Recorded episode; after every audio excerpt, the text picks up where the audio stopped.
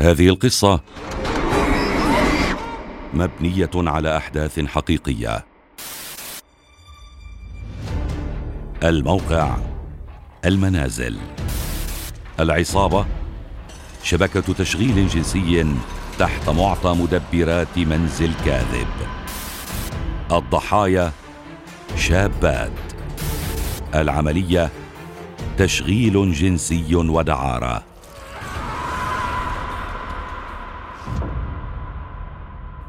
بائعات هوى بأثواب مساعدات منزل.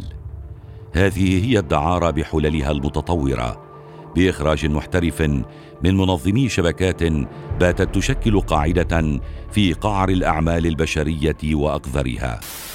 ابتكار يسهل عمليات تلبية الزبون. مكاتب منسقة لإتمام الصفقات بسلاسة.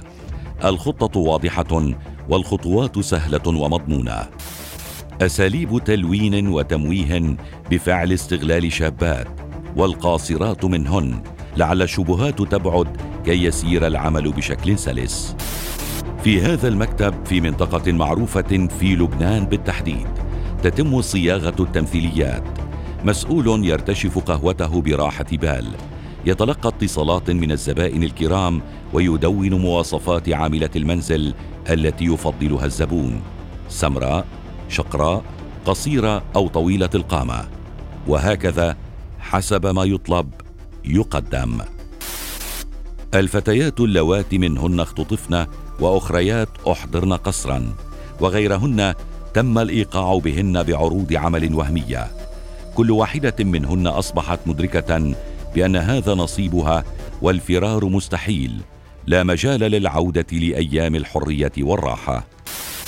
تعيش الفتيات تلك في منازل استأجرها القائد تحت رقابة مسؤولة تحرص على التزامهن بالقواعد وبإطاعتهن لأية قرارات تصدر عن سلطات الشبكة العليا.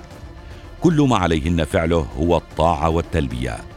فكلما اتصل زبون بالمكتب الرئيسي تحضر الفتاة المعنية إلى المكتب ذاك ليتولى السائق إيصالها إلى المنزل المحدد ويتأكد من دخولها.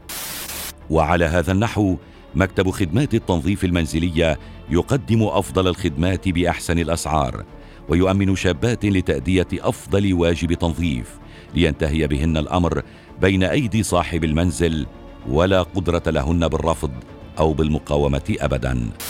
شبكة لا زالت تنشط في استغلال فتيات والقاصرات منهن تحديدا.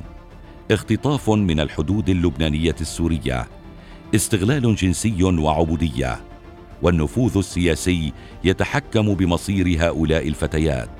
فعندما يقتسم الكبار الغنائم لا شفقة على المستعبدين الصغار لكن لا يعلو قوي إلا وهبط. فمتى نجاة اللواتي أصبحن اسر العبودية؟